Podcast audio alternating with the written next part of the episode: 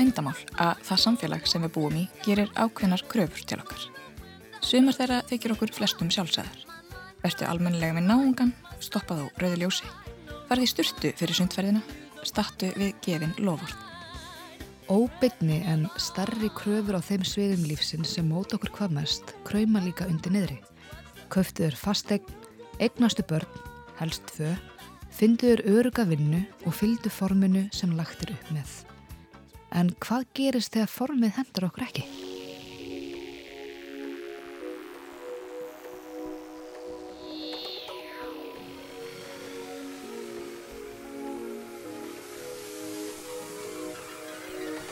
Formleg lífskoðun Íslandinga erfist að staðaldri.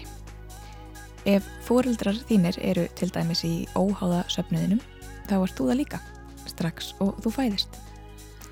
Almennt er ríkislína í trúmálum hérlendis og því er hægt að segja að samfélagið reiknir sterklega með að nefnendur í áttundabekki grunnskóla sæki fermingarfræslu í sinni hverfis kirkju. Rækjubröðterta og vandraðalegt fermingabann að bjóða fjarskilda ættingja velkomna er íslensk kanón.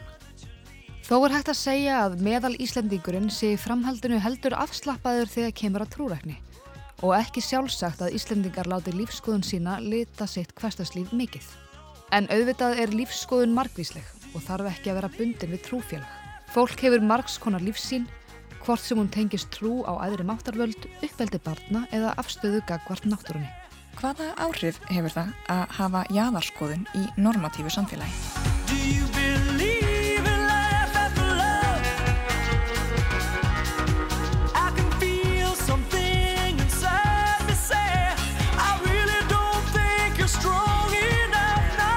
Flest kippu við okkur ekki mikið upp við minniháttar mismun á lífskoðun fólks. Umburðarlindi gagvart mismunandi lífsín og vennjum er í sífældum vexti. En hvað um það sem flest okkar líta á sem óhaganleg náttúrulögmál? Er viðhorfið annað þar? Ansi mörg ár eru liðin frá því að sá hópur sem trúir því að jörðin sé flött var síðast jafn stór og hann er í dag. En skoðunin er þó langt frá því að vera viðtekinn. Svo langt í raun að næsti viðmælendi okkar óskaði sér nafnlendar. Við hittum hann utan dyrra, þar sem hann var á gangi með hunda sína, sem heyrist í í bakgruninum. Aðtugið að rött hans hefur verið breytt. Veist, ég trúi að jörðin sé flöt út frá þeim sönnunagögnum sem ég hef séð bara í náttúrunni. En, hérna, en allt svona, þú veist, samsærið, hver sé á bakvið samsærið, það er náttúrulega bara eitthvað sem ég hef heyrt frá einhverjum mönnum sem ég hef ekki haft tíma að geta til að rannsaka nægilega vel en, en þú veist, það er klálega, það er klálega, ég meina þú veist, klálega einhver blekking í gangi til ég, það er Jörnins flöt, það er eitthvað sem ég byrjaði eh, sá fyrst árið 2014 og þá var í rauninu sko, það er talað um að árið 2014 hafi svolítið þessi hugmynd verið endurvækin og hafi í rauninu enginn verið að tala um þetta þú veist í einhver, einhver hundra ár. Átjóndur og eitthvað skrifaði maður bók sem að hétt Samuel Robotham.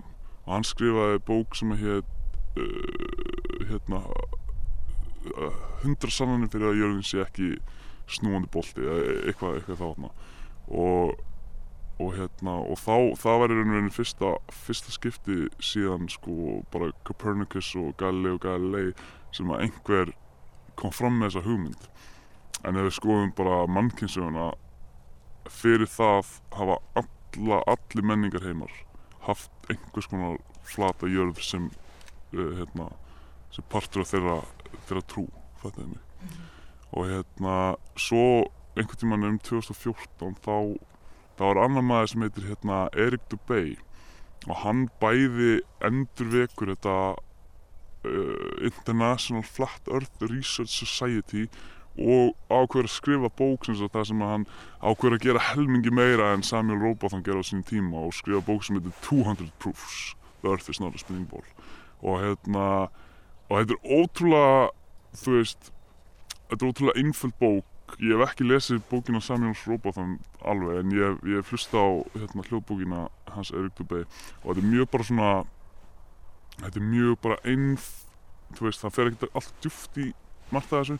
En þetta er hérna já þetta er bara svona einf, mjög, mjög einfalt bara þú veist, þú veist marga ástæðar sem, sem benda á það mótil sem okkur hefur kent sér rámt og þessi bók alveg bara bara, þú veist, eftir að hlusta á hana þá hún gjössanlega bara breytti breytti alveg hvernig ég hugsaði bara um allt sko. Ég var algjörlega bara á sömu braut og allir, það var ekki fyrir að kannski svona 17-18 ára þegar ég fyrir bara svona þú veist, að hafa gaman að því bara að lesa um alls konar dót á netinu.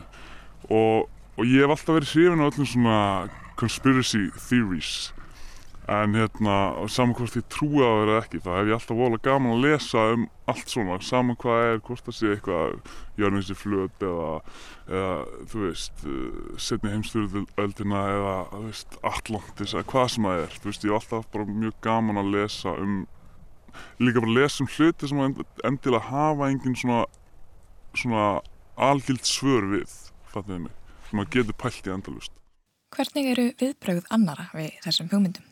Fyrir marga þá verða svo miklu tilfinningar í þessu og fólk verður svo reitt og eitthvað bara út að ég er að nefna einhver hluti og þú veist já og sama hvort sé þetta eða eitthvað svona annað sem að svona, þú veist, fer gegn strömmnum þá, þá verðast margir hafa svo mikla tilfinningar í þessum málum sem að ég, ég veit ekki, ég skildi það aldrei sjálfur því að einhvern veginn, ég hef aldrei aldrei fundið verið þeirri tilfinningu sjálfur eða einhvern veginn að að þú veist, að, setja svona mikla tilfinningar í einhver svona í svona röggræður, fattuðið mig?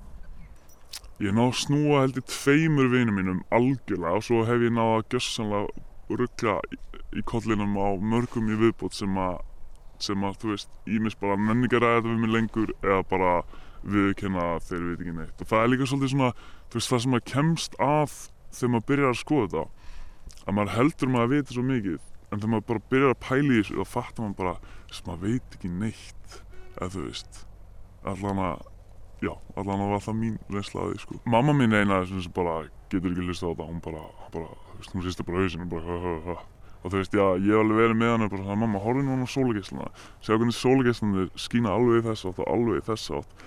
Hvernig getur verið að, að þetta sé light source í 93 miljón míl, mílna fjarlæg sem að þar sem að allir sólageislanir eiga að mæta beint niður parallel við hvern annan hérna niður á jörðuna og þú veist, hún bara, ha, nei, ég, ég bara skil ekki svona hluti, þú veist. Það er bara svarið sko. En hérna, en pappi minn, hann er hins vegar þú veist, miklu meiri svona starfræðingur og, og, og svona. Og ég yfirleitt enda, enda hérna samtölum þetta um að hann strunsa burt. Já. Uh, þetta hefur náttúrulega áhrif að eh, þú veist, við hvern sem ég tala við þá er maður náttúrulega instantly bara að dismissa þessum hálfuti það er náttúrulega, þú veist, já það er náttúrulega félagslu áhrifin á þessu. Þess að líka hef ég ekki á að koma fram með nafni og það ég er bara, þú veist, ég nenni ekki fattið að standi í einhverju þannig. En hérna en já, en, en hérna, já það er eiginlega einu svona áhrifin sem það hefur þannig. Það fyrsta sem okkur er kent í lífinu er bara að við búum á netti og að allir sem segja annað eru hálfvitar. Og þú veist þetta er bara hérna þú veist þetta er svo fárlega hugmynd og alveg eins og ég sjálfur allir sem heyra eitthvað þú veist eins og ég las sá einhverju frétt eitthvað Facebookin mín eitthvað það er fólk sem heldur að jörðin sem flöt árið 2014 og ég bara þetta er svo hálfvitar. Og ég ákvað bara að ég ætla að lesa frétt og ég ætla að debunka þetta fyrir sjálf á mig og ég held að það myndi taka mig kortið 20 mínútur eða eitthvað blá blá svo er ég bara búin að vakna í 3-4 tíma að bara kafa í þessu og, og bara ok að, þú veist, gefst upp og, og það er ekki finnir kannski svona hálfu ári setna sem þú veist, ég er bara búin að lesa um þetta hverjum degi sem er svona já ok, þetta gæti bara mögulega verið rétt. Uh, fólk samþykir bara það sem því sagt, veist, það er allstaðar, ég minna þegar fréttinu byrjaði á mynda hnetti þegar bíómyndinu byrjaði mynda hnetti þetta er bara, þessi bara, þú veist, þetta er þú veist, fólk bara tegur því sem að sem er sett fyrir fram á. Í kennslubókunum er mynd, myndir á hnöttum og, en, en máli er að sko, þeir þykjast ekki eins og sjálfur þeir halda ekki eins og sjálfur fram að þetta séu ljósmyndir. Þeir segja þetta séu hérna, þú veist, þetta séu hérna, samanskiptar myndir af, af, þú veist, þannig að, þú veist, það eiga í raun og veru bara að vera til nokkrar alvöru, sem að kleima þessi alvöru ljósmyndir af jörðinni, en svo við skoðum þessar myndir, þá er til dæmis bara eins og meginland Norður Ameríku hafi bara vaksið um helming á milli mynda. Og við sjáum bara myndir frá, frá mismunandi hérna uh, þú veist, mismunandi tímum þá bara allt aðri litir á þessu. Og einni myndinni sem er einn frægasta myndin þá sést bara klálega að það er búið að copy-pasta skí það er bara nákvæmlega sömu skíaminstur bara á nokkur stöðum. Og þú veist, meiri segja einni myndinni er búið að skrifa sex í, í, í skíin sko. Og ég er ekkert að djóka í ykkur sko. Og það er líka hérna allavega ég hef heilt það að, að mennindir sem standa á bakvið þessa blekkingu og þetta sé þeirra leið til að fyrra sig ábyrð með að setja þetta svona bleitindli framann í, í, í okkur. Þannig að þú veist, við áttum bara að gera okkur grein fyrir þessu. Og þess vegna er þetta ekki þeim að kenna. Þannig, þannig geta þeir fyrra sig ábyrð klála, klála samsæði. En er erfitt að hafa jáðarskoðun? Nei, mér finnst það ekkert mál sko. Uh, eina ástæðan okkur ég farið í felur með þetta eins og ég vil ekki koma fram undir nafni. Það er bara út af því að hérna, það er bara fyrir konuna mína á badni mitt og konuna mín er bara beðið mjög um það og bara plísi ekki vera þessi skrítni pappi hans, fattar þið ég veit ekki, svona, þú veist, þegar ég var að uppgönda fyrst og svona, þú veist þá longaði mér svo mikið bara, þú veist, hrista alla, bara vekja alltaf til lífsins bara, þú veist, þið verðið að, verðið að koma að þessu, fattar þið En núna er einhvern veginn búin að samþykja það bara að fólk mun bara átta sig á þessu á sínum hraða og það er ekkert sem ég get gert til þess að gera það. En samt aftur á móti núna er það orðið svo miklu erfiðar fyrir fólk að uppkvölda þessa hluti af því að það er svo mikið, mikið stríð gegn þessum upplýsingum og bara öllum upplýsingum sem fara gegn, þú veist, hérna, bara fólkinu sem er völdin, þú veist tæknirísarnir og, og, hérna, og samfélagsmiðlarnir þú veist, þeir bara, þeir útiloka allt sem þeir vil ekki við sjáum, þeir stjórna öllu sem við sjáum og það er svona, þú veist, það er bara ekki hægt að finna þetta lengur. Og þú veist, þessir aðgangar eru bara, þú veist, eins og Erik Dubay sem er svona einn ein svona fremsti nútíma Flat Earth spóksmenn í heiminum og er svo sem að endurvakti þetta Flat Earth, uh, International Flat Earth Research Society að, þú veist, hann talar um það bara að þegar hann setur vítjón sín upp að þá er ekki hægt að læka þau það er bara hægt að dislæka þau. Og hann missir bara follower hans eru bara randomly unsubscribear á honum og þú veist það er bara og svo er bara aðgangun hans blokkaður. Og þú veist þetta er allt bara eitthvað flagga sem hate speech eða, eða bara eitthvað kæftæði og þú veist það er bara svo mikið stríð gegn þessum upplýsingum og öllum upplýsingum. Og það er líka eitt af því sem, sem að þú veist, telur mér ennþá meiri trú um að það sé eitthvað til í þessu. Því maður sér hvað hvað, þú veist, fólkið sem var stjórnar þú veist, þessi tækniris og samfélagsmiðlar við sjáum hvað þeir eru mikið að fela þessu upplýsingar. Og þú veist, við erum bara þrælar og við lifum bara mjög dimmum tímum. Og þetta er alltaf partur af þessu. Þú veist, þú vilt ekki að þrætliðin sé upplýstur. Þú vilt halda þrælniðinum eins heimskum og hann mögulega getur verið. Og þess vegna sniðir þetta ljúa hann um allt og sérstaklega einhvern svona basic hluti eins og það sem hann býr og telja hann trú hann búa á einhverju kúlu þar sem ef hann reynir að fara í burtu og kemur hann bara aftur á sama stað. Þú veist, þannig að það er okkur bara haldið inn í þessu fangilsi og sagt að það sé einhvern útmynguleg okkur talin trúum að við búum á einhverju stað sem við komumst ekki út af, fattiði mig. Á meðan að hérna að þú veist, fólk uh, legitimate flat earthers telja að, að hérna það sem við kallum söðupólinn sé raun og verið bara svona perimeter í kringum alla flötu jörðina. Og það sé ástæðan okkur engin megi hérna, sjálfstæði rannsaka söðupólinn af því að þá getur maður komst út frá uh, Admiral Byrd flög, sagðist að flóið yfir söðupólinn frá Ameríku og sagðist að hafa fundið land þar sem að, sem að hafi verið jafn stórt og, og meiland Norður Ameríku minnum mig og þú veist, það er ekkert land þar ef hann fer yfir, fattiði mig. Uh, það eru til gömul kort sem sína bara, þú veist flötu jörðin okkar eins og við teljum hún sé og, og fyrir utan það fullt af öðru meginlandum en ég veit ekki, ég meina þú veist það, það verður alltaf bara speculation af því að það getur, það er enginn sem má fara og, og rannsaka þessu luti Viðmælandi okkar er orðin nokkuð sjóaður í að hafa jæðarskoðun uh, í gamla daga þá hérna þegar ég fór að lesa um að kannabis geti lækna krabbamein og hjálpa alls konar hérna alls konar svona taugasjúkdómum og þannig þú veist. Þá kölluðu allir mig bara dópist að þessu og ég þurfti að fara í meðferð. Og svo þú veist mörgum ára setna þú veist þá er þetta bara samþitt að samfélaginu og ég minna svo þegar að ég hérna fyrir að rannsaka hérna hversu óvöld mjölk er Mér þá sögðu allir mér ég verði bara að klikka þar, mjölk verði bara holl fyrir tennur og bein.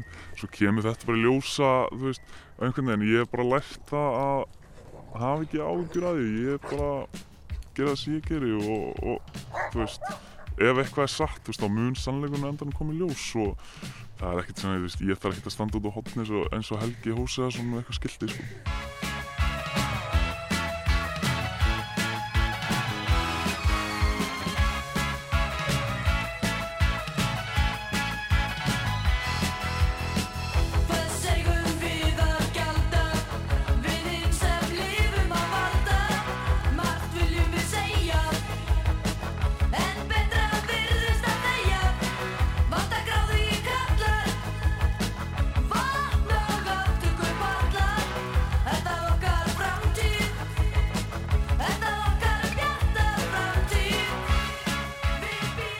Seiðpottur, galdrakústur, stór varta á nefi. Þetta eru kannski þau hugrenningatengsl sem kom upp þegar að fólk heyrir orðið norð. Raunin er svo að á meðal okkar er viða fólk sem skilgrinir sig sem norðnir og fyrir fjara lagi að það sé hægt að tekja þau á útlitinu einu sann. Þetta er fólk sem trúir því að það geti haft áhrif á þráð örlagana og beitir til þess einum ymsu þulum, göldrum og júrtablöndum. Albert Björn býr á heimili sem er fullt af orkusteinum fallegum júrtum og plöntum og jú, einum nortnakústi. Þar hittum við hann og öldu villiljós og rættum um nortna lífið.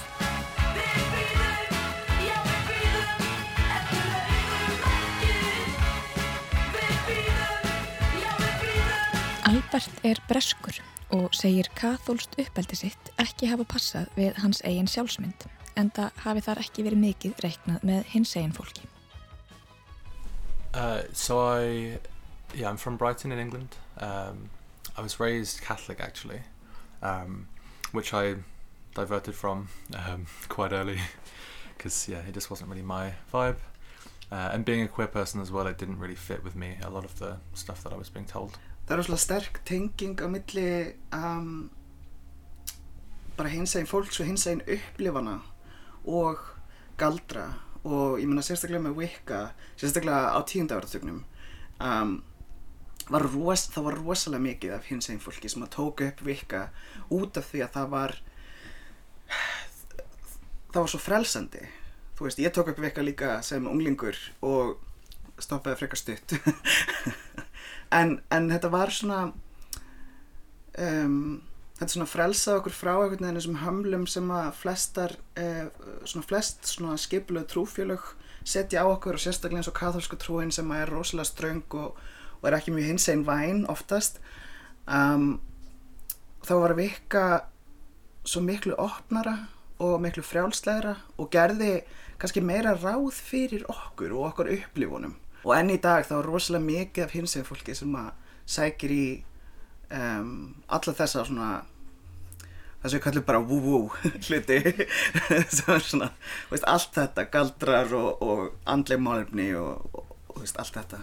Út af því að þetta er svona ég held líka kannski að þegar maður hefur komið út af skápnum sem hins einn og þá sé svo auðvelt að einhvern veginn ó ég er búin að koma út af þessu skáp.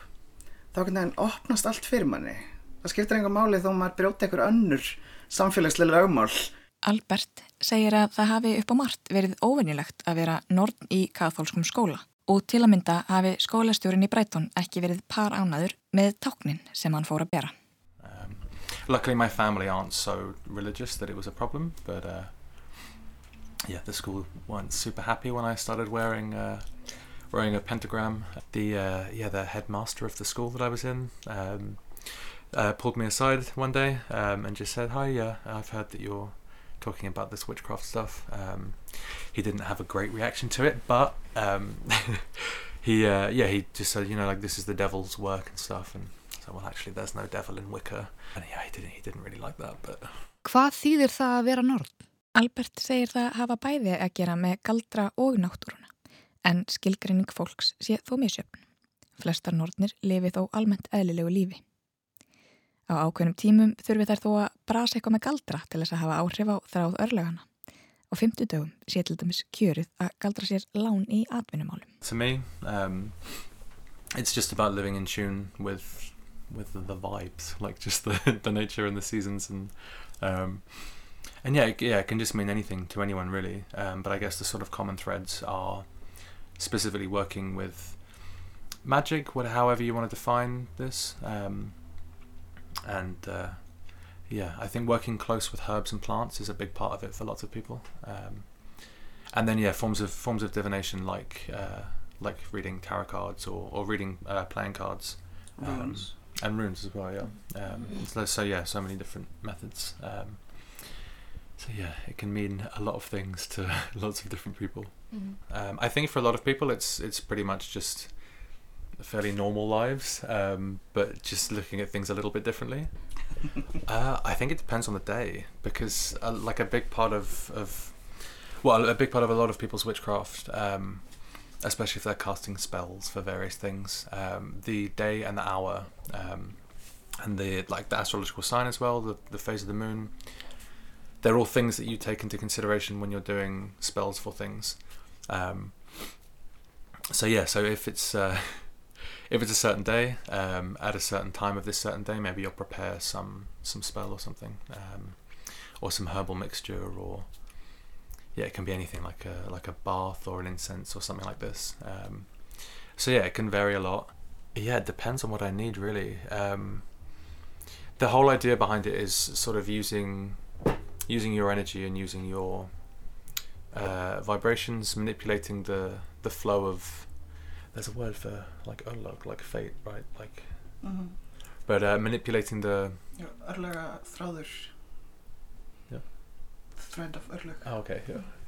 Um, yeah, the uh, yeah, you're just sort of pulling at the threads uh, to manipulate things into a favourable flow for you, really. Uh, so if I if I needed a job, uh, I could do a spell for what a spell to find a job. Um, it would need to be a Thursday because that's the day of of uh, increase and, and wealth and things like this, and finding a new job would fall under that.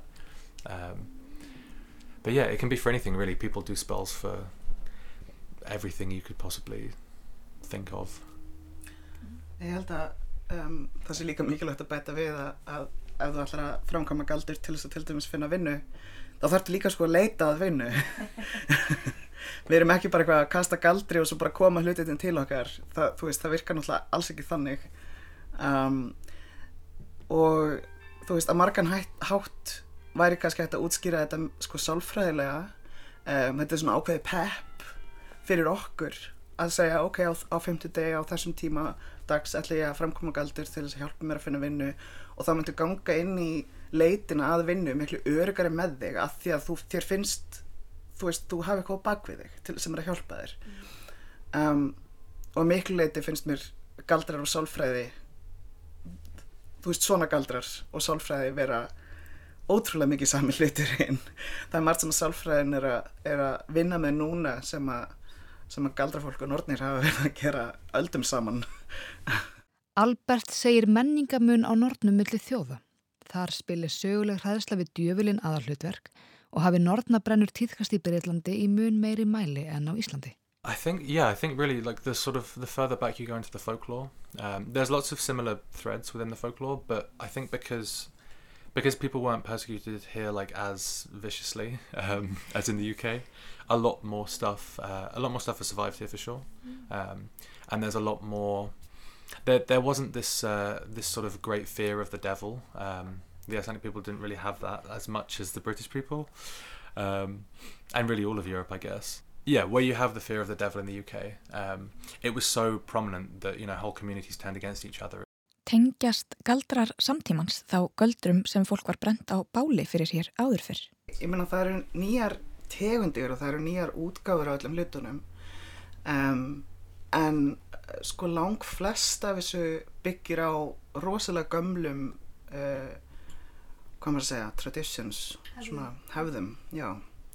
Um, ég meina mannfólkið hefur unnið með uh, jurtum uh, til þess að lækna sig frá því að bara frá því að uh, við byrjum að ganga upprétt öruglega um, og bæði til að lækna okkur og líka til þess að bara opna hugan eða þú veist hjálpa með kvíða eða hjálpa með orku eða þú veist hvað sem það er. Um, við höfum líka alltaf búið til sögur um náttúruna, um orkunni sem við finnum í náttúrunni. Um, stjórninsbyggir eldgamul hefð þú veist, þrjú, fjúr, þú stára gamul hefð sem er ennþá í gangi.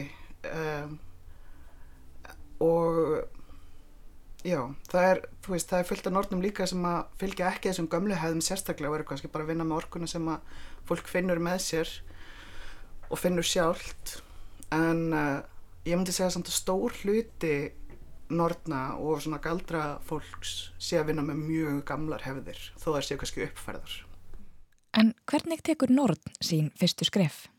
Amma mín aðalega sem að ég er nefnt eftir um, hún myndi örglega ekki lýsa sjálfur sér sem Nordn en uh, hún hérna hún trúur á engla og alls konar anda og, og verur og, og lesi spil og á hverju gamlarskvöldi uh, nei, fyrir ekki gamlarskvöldi, gamlarsmorni um hátið um, þá var hún í mörg ár alltaf með svona spá dag eða spábóð þar sem hún og vinkonurinnar lásu í spil og telöf og kaffikork og, og allt mögulegt. Um, og þar sem hún hefur ekki getað haldið þessi bóð síðustu ár vegna veikinda þá hef ég svona eiginlega ákveðið bara að taka það alltaf að mér. Ég er náttúrulega ekki með það í ár um, en hef samt haldið það svona hvað, tvísar, þrísar núna og ætlar hann að halda því gangandi alltaf. Alda kynntist svo göldrum á mentaskóla árunum.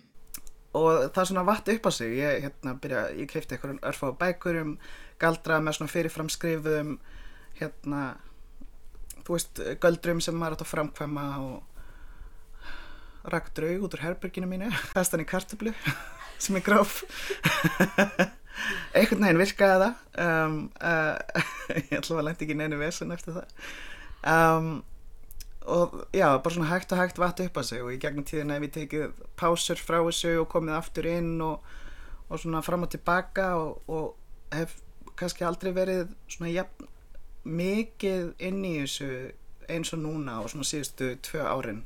Galdrarnir þróast eins og allt annað með reynslunni. Þú læri kannski líka bara að hérna þú lærir meira á það hvernig þú ætti að hlusta á svörin sem þú getur fengið hvort sem svörin er að koma frá okkur um öðrum verum eða frá Guði eða bara frá þér um, það er bara eitthvað sem hver og einn þarf að tólka fyrir sig um, en þú lærir kannski betur að hlusta þannig að þú kemst að svörunum miklu fyrr heldur en áður. Þegar þú ert ennþá að læra þá þurftu kannski að setja í klukkutíma veist að haula það á meðan að nú, veist, eftir nokkur ár þá tekur það kannski tíu mínútur. Ég var með bók með svona uppskriftum en að gæsa lappa að, að göldrum um, sem ég nota aldrei lengur að því núna kemur þetta allt frá mér. Ég skoða það stundum bara til þess að fá hugmyndir um, en það er eitthvað, þú veist, það er meira svona byrjunda hjálp finnst mér um, og mér finnst miklu mikilvægur að galdrarnir komi, þú veist, galdur sem er fyrir mig og frá mér verður líka að, þú veist, uppskriftin á hannum þarf líka eiginlega að koma frá mér til þess að ég geti um, persónugertan Er eitthvað sem er alveg bannað að galdra? Nei Það er alveg reglur en hver og eitt þarf að setja þær bara fyrir sig Á heimili Alberts sjáum við Nordnakúst sem þakin er rúnum. Hann setti kústin saman úr greinum frá öllum landshornum. So, so this I, I have. Uh, I made it um, last well, two years ago. Um, there's a practice in, in witchcraft which is really similar with lots of shamanic traditions uh, from around the world. Uh, so, like spirit journeying and, and I guess astral projection is probably the most modern term. Uh, spirit flight is the word that we use more in witchcraft. Kústurinn er fyrst og fremst tákgræn og hefur ekki flugkraft en getur verið gaglegt hjálpartæki við hugarflug. It's like a meditation sort of thing and a, like a very deep meditation uh, trance. And yeah, you get into like a very relaxed state. Um, and then you'll be thinking of, of the question or whatever it is and, and you know something may come to you and say to you like oh this is this is the answer or if not, you you would go on a journey. Gústurinn er ekki dregin upp á hverjum degi fyrir hverstagslegan galdur, heldur gemtur fyrir velvalin augnablikk. And uh, yeah, so I have the broomstick. Um, it's it helps you.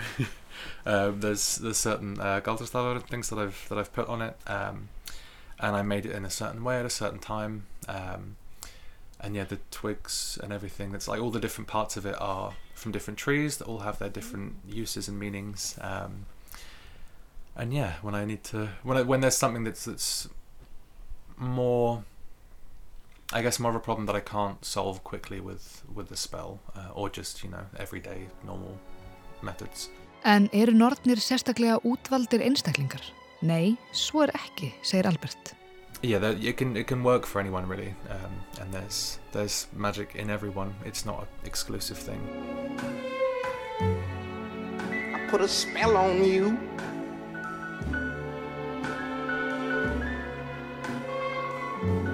cause you're mine. Do, do, do,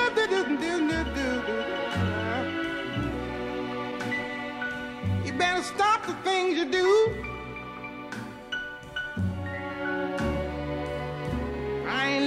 Úlingsárin eru fyrir mörgum sífælt leit að samþyggi frá hópum. Þau eru þá líka tími sjálfskoðunar og mótunar. Sara Bjarnason fann trú á úlingsárunum og gekk í Kristinn Söfnuð sem er á marganhátt ólíkur því sem margir þekkja úr því hverstags kristna samfélagi sem við búum í. Um leið gekk hún inn í félagskap sem háttaði sínum málum á allt annan veg en samnefndur hennar í mentaskóla. Við rættum við söru um það að vera ungur heittrúaður Íslandingur.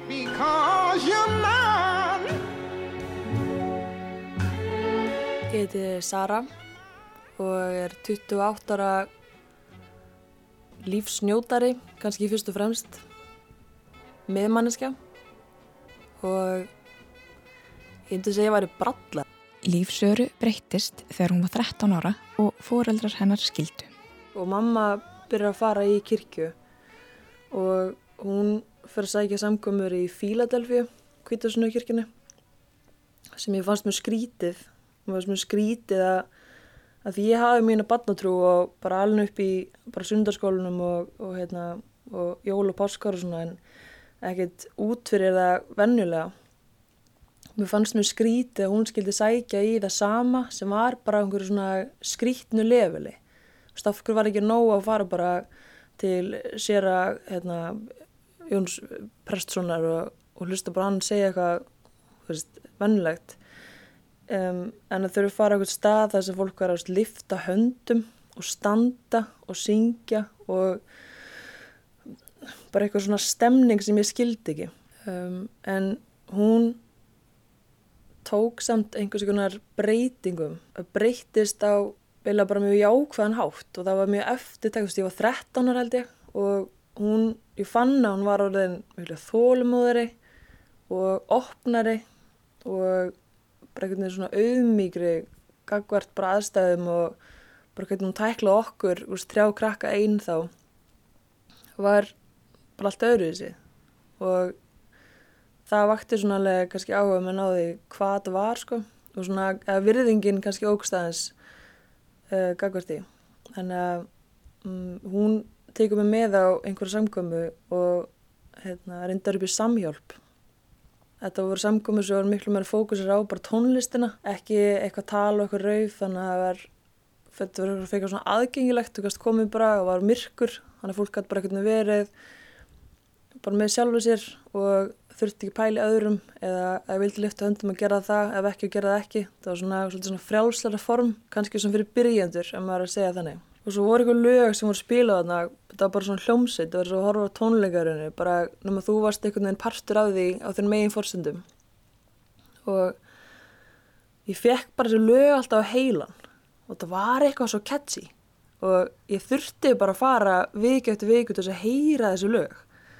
Og ég bara fann eitthvað, ég tengdi bara við eitthvað sem að ég kannski þekkti inn í mér eitthvað svona barnatrú sem að kannski vaknaði og svona kannski vonunum að það væri stærra og meira heldur en maður endilega allast uppið og svo fór maður bara að vennast þessu með þú veist hvernig fólk vildi upplöta, þú veist, það stóð og stóða og skipti engum máli lengur eða hvort vildi lyfta höndum, maður var ekki að skríti og bara vöna að sjá þetta, en ég skildi alveg að þetta var skríti fyrir öðrum og ég man að ringdi einhver í mig þegar ég var í þessu og hérna, eða stað samkomengtum og ég sast bara að vera tónleikum.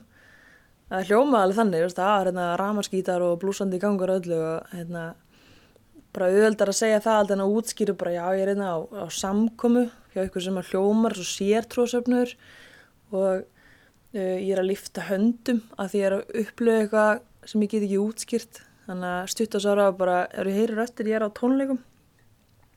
Og hérna já, svo fór ég bara að finna mig meir og meir í þessu að því að var þetta er alveg svona, þetta er mjög áhugavert umhverju að því að þetta er rosalega jákvætt uh, samfélag og hvetjandi og þú veist bara oft myndur að hvað er frábær og lærir svolítið að sjá bara gullið sjálfur og gullið í öðrum og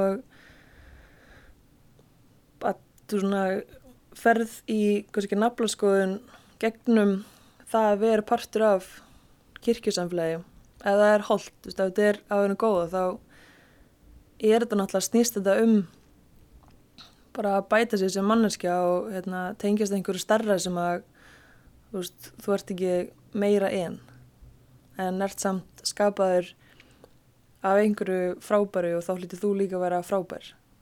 Og það er svona kjarnin í þessu. Og það var mjög staðmjöglu áhugaverð að pæli bara það bæta mig sem manneskja og, og finna út úr leysa flækjur núna heldur en að verða fullorðin og eldri með einhvers konar bakka sem maður hafa aldrei skilið.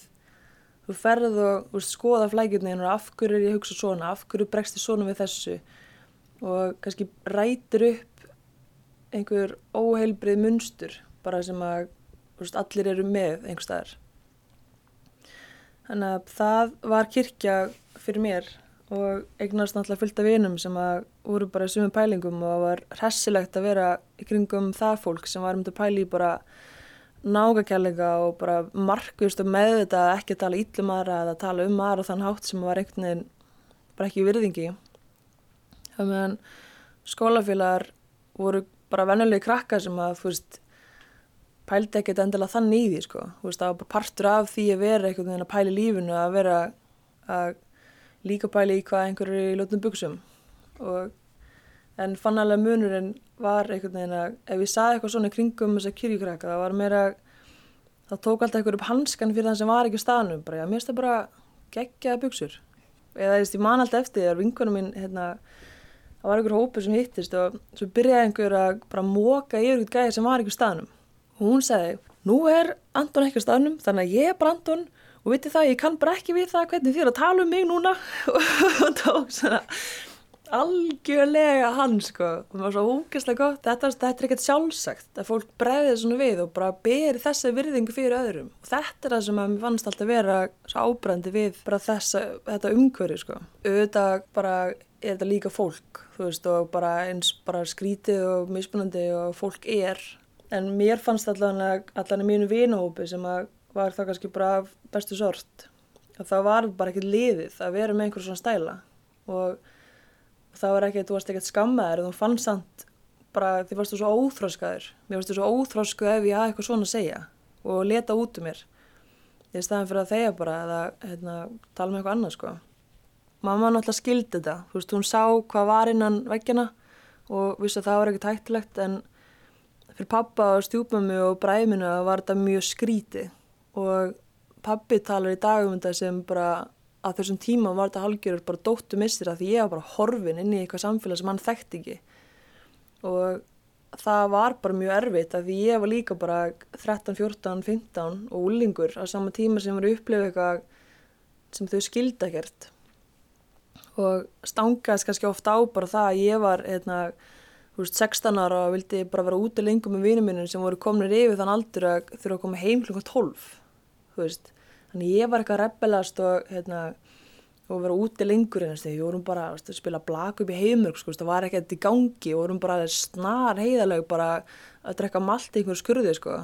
og hérna meðan, þú veist, bekkjafélag mínir í kvenna voru bara að sniffa spýta einhverju líklum sko, veist, það var ekkert ég átti að maður setna að það stafa að því að þau bara vissi ekkert hvar ég var. Og ég skila svo vel að það er bara verið ógnulegt og skrítið. Og við máttu ótrúlega góð og fallið samtölu um þetta núna og erum bara bestu vinnir en það var vissulega bara svolítið sjokk að fylgjast með að ég líka bara snar breyttist sko. ég fór, ég hafði svo mikla þörf fyrir að tala um þetta því mér leiði svo ótrúlega vel því ég var bara full af einhverju tilfinningu sem að ég gæt bara, mér fannst bara eigingjönd að haldinni bara fyrir mér. Það var eitthvað svona náttúrulega þörf fyrir að bara einhvern veginn að þú myndi líka að fá að smakka á þessu sko.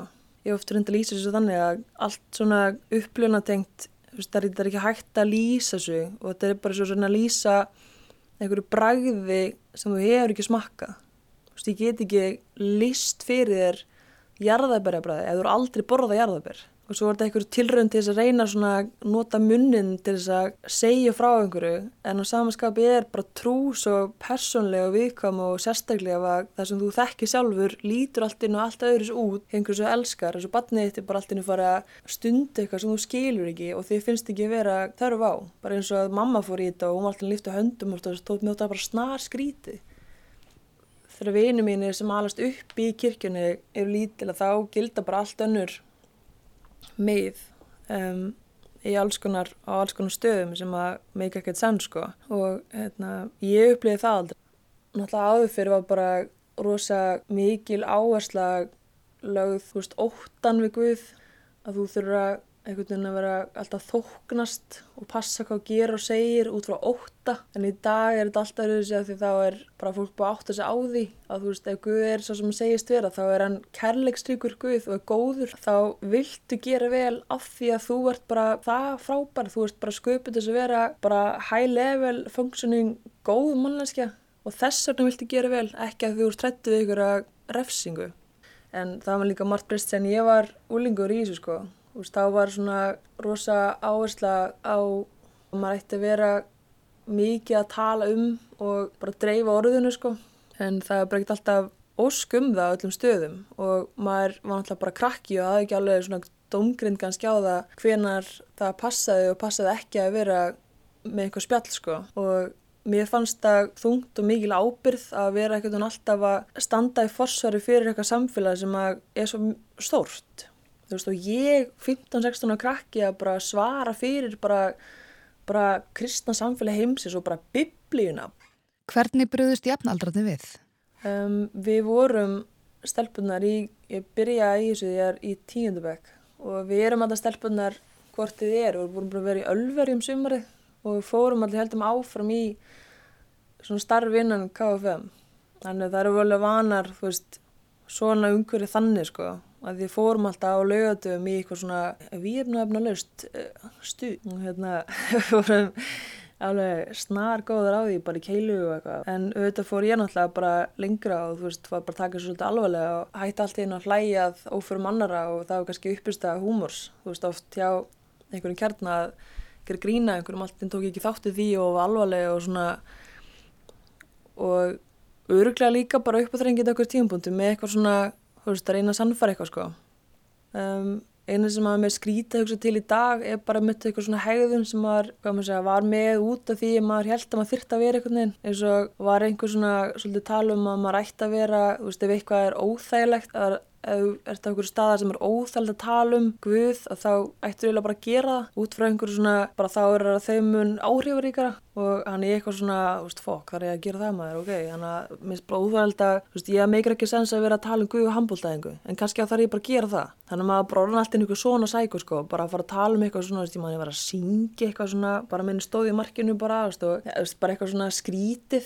ég var Ég fekk bók í jólugjöfi hérna hitti fyrir að frá stelpu sem að, neða frá mákonum minni og frænken sem skrifa þessu bók og þessu frænken var með mér í leikskóla og grunnskóla. Og svo er bara ekkert frétta okkur annar er bara mörg ár en ég er með henn á Facebook.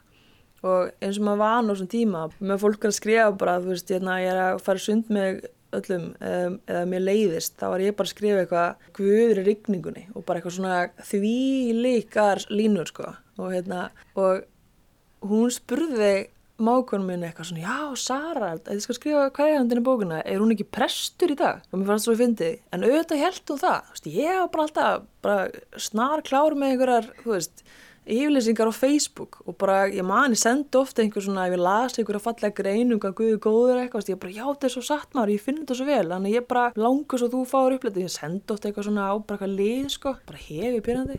Mér var alltaf tekið vel samt, ég átti alltaf mína vini og hérna, pældi ekki nýði þannig, en ég held að þetta hafi verið mjög skrítið fyrir marga, sko. Það er svo auðvelt að vilja vera úlingur aftur og vera ekki kjánalegur, þú veist, við vorum öll kjánaleg, en ég var bara svona típuna á kjánuleg sem er alveg erft að feysa sko. Það er svona alveg skrítið og svona sérstaklega gagvart eitthvað svona ættingum og maður kannski bara, þú veist, komin í eitthvað predikar á stól gagvart eitthvað um bara gömnu frengum og frendum sem bara var þekkt með frá ég var bara baby og allt einu kom eitthvað svona stæla sko. Það er eitthvað svona svona smá krins og svo verður maður líka bara að hafa þú veist, svolítið náð fyrir sjálfum sér og munum að maður líka krakki þú veist, þú veist líka brúlingur og ef þú ert á stað þess að kirkja er það sem að þú veist 90% af því sem er talað um er bara nága kærleikur og, og vera góð manneskja og, og, hérna, og það allt og byrja bara með skoðan ávegst og svo kemur eitthvað smá sem er eitthvað skrítið og sem er kannski bara tíðarandin eða eitthvað sem að þú kannski fattar ekki alveg eða tengir ekki alveg við en að því að allt hitt er jákvæmt uppbyggilegt og bara þegar fyrst að vera rétt þá er erð fyrir batna greina á milli þessa hluta. Viðhorf Söruk að hvert trúni hafa lítið breyst þrátt fyrir að hún sæki ekki lengur samkomur.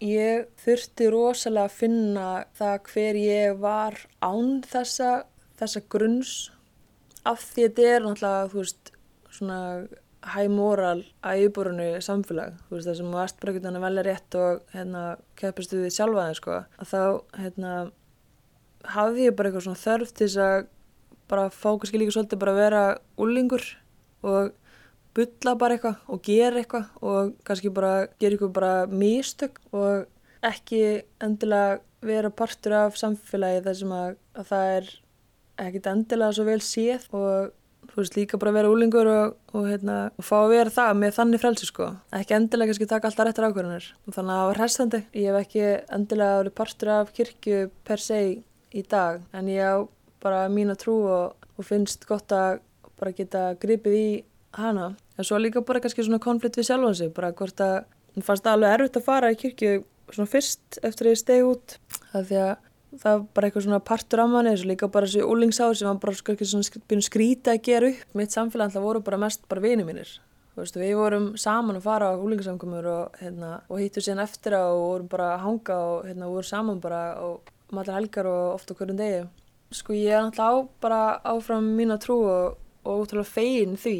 Það sem að úst, kjötið á beinunum er þetta að maður þurfi ekki bara að trista sjálfan sig upp á bara allt. Ég er með bara einhvern veginn liði sem að, með mér liði sem að bara bakkar upp aðstæðnar. Þú veist, hérna, nú ætla ég að flytja heim til dæmis og, og þá veit ég bara, veist, að bara ef, að, ef hann er svo sem hann segist vera og bara sé fyrir fugglunum eitthvað hann ekki sá fyrir mér, þá veit ég bara allt fyrir vel, veist, allt fyrir að besta veg.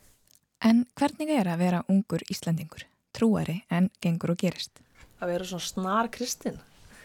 Sko, flestir halda að það sé mikið að bóðum að bönnum og spurja mikið, þú veist, að þá allan, máttu þetta, máttu drekka, máttu eitthvað og veist, maður, já, auðvitað veist, ég er bara að gera sem ég vil og hérna, allir hessir. Ég tala ekkert mikið um þetta í dag ekki að því að ég skammast mér neitt nátt en eitt annað, bara, þetta er bara svo stór heimur að sem er þetta útskýra. Svo er allir sem ég spurði um sko, hvort að hérna, mitt maður eitthvað verið tengdur og, og bara ekkert mál sko, en já, þetta er eitthvað svona partur sem er mjög erfitt að koma í orð, líka því að maður átti eitthvað skrítin ár með einhverjum svona, einhverjum Jésústælum sko. Ég tek beiguna inn þegar ég er 15 sem ég náttúrulega bara geggjaður aldur. Þú veist, allt er svo nýtt og dramatíst og stórt og allar ákvarðan eru hjút. Þú ert bara, þú fer ekki gott á samrændubróna, þú fer ekki í skólan sem vilt, þú fer ekki í skólan sem vilt, þú verður ekki í lækninu sem ætlar að vera og þetta er allt svo ógeðslega stórt, sko, að hérna, alla svona ákvarðan er verður svo einlegar, sko, og bara fallegar og og stór skrítnar og allt sem fylgir því. Þannig að það var náttúrulega bara kröftu beigja í einhver átt og kom bara mörgum óvart og var mjög skrítin fyrir marga og, og, en líka bara mjög einlag og gaf mér bara ótrúlega mikið og hérna, þú veist, ef maður hefði haft, ef þetta var að gerast í dag, þá myndi að líta allt öðru út af því ég var ekki, ég var ekki nú mótægleg til þess að vera að gleipa öllu bara blindandi sko, sem börn bara gera. Ég hefði, þú veist, ég hefði ekki orðið eitthvað nöttir og ég 100% var nöttir á tímanbili sko, bara gengu því og bara high five sko. Og hérna, og skil svo vel að hafa verið skrítið fyrir bara flestum sem voru utan og sá ekki inn, en inni er allt í góðu.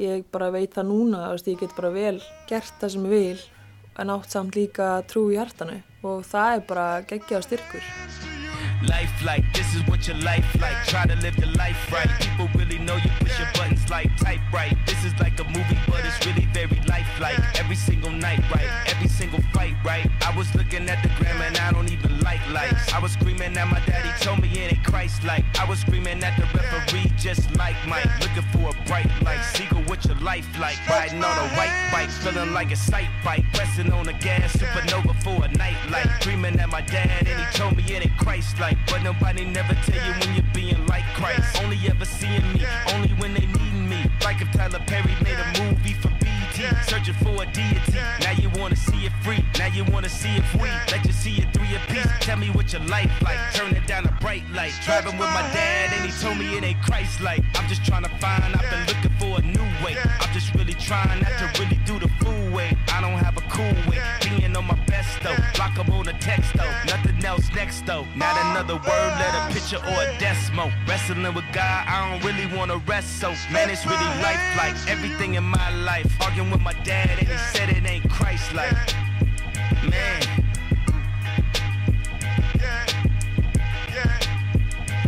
You know it's like somebody only close to could get you like off your.